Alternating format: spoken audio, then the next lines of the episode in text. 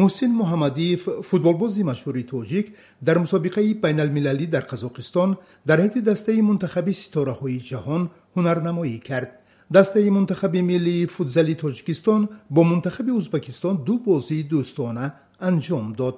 Дар бораи ин рӯйдодҳои варзишӣ ман нарзуллоҳи латиф гузориш медиҳам муҳсин муҳаммадиев собиқ бозигари дастаи машҳури помири душанбе дар мусобиқаи байналмилалии экспо 2017 футбол кап ки рӯзҳои 5 ва 6 август дар пойтахти қазоқистон шаҳри остона баргузор шуд ба ҳайати дастаи мунтахаби ситораҳои ҷаҳон шомил буд ин мусобиқа дар остона арена бо иштироки шаш даста дар ду гурӯҳ сурат гирифт. Ба гурӯҳи а олмон қазоқистон ва мунтахаби ҷаҳон ба гурӯҳи б италия португалия ва русия дохил буданд. Ғолибони гурӯҳҳо мунтахаби ситораҳои ҷаҳон ва дастаи русия рӯзи 6 август барои ҷойи аввал бо ҳам мубориза бурданд бозии ниҳоӣ бо пирӯзии мунтахаби русия бо ҳисоби ҳафт бар чор ба анҷом расид барои ҷойи севум мунтахаби португалия дастаи қазоқистонро бо ҳисоби сездаҳ бар ҳафт шикаст дод муҳсин муҳаммадиви панҷоҳсола ки феълан сармураббии бошгоҳи футболи истиқлоли душанбе мебошад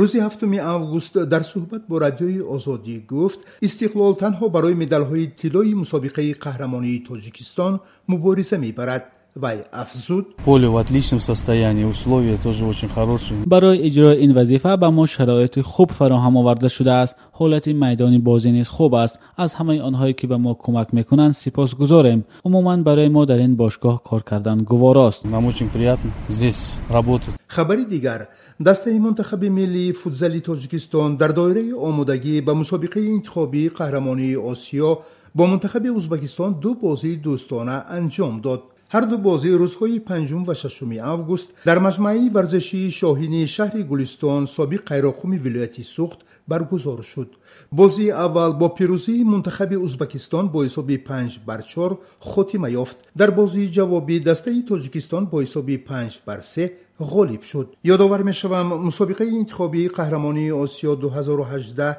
اید به فوتزال در گروه بی از 15 تا 17 اکتبر سال روان در شهر تبریز ایران دایر خواهد شد. دسته منتخب فوتزال تاجیکستان در این گروه با تیم‌های ملی افغانستان و ایران رقابت می‌کند.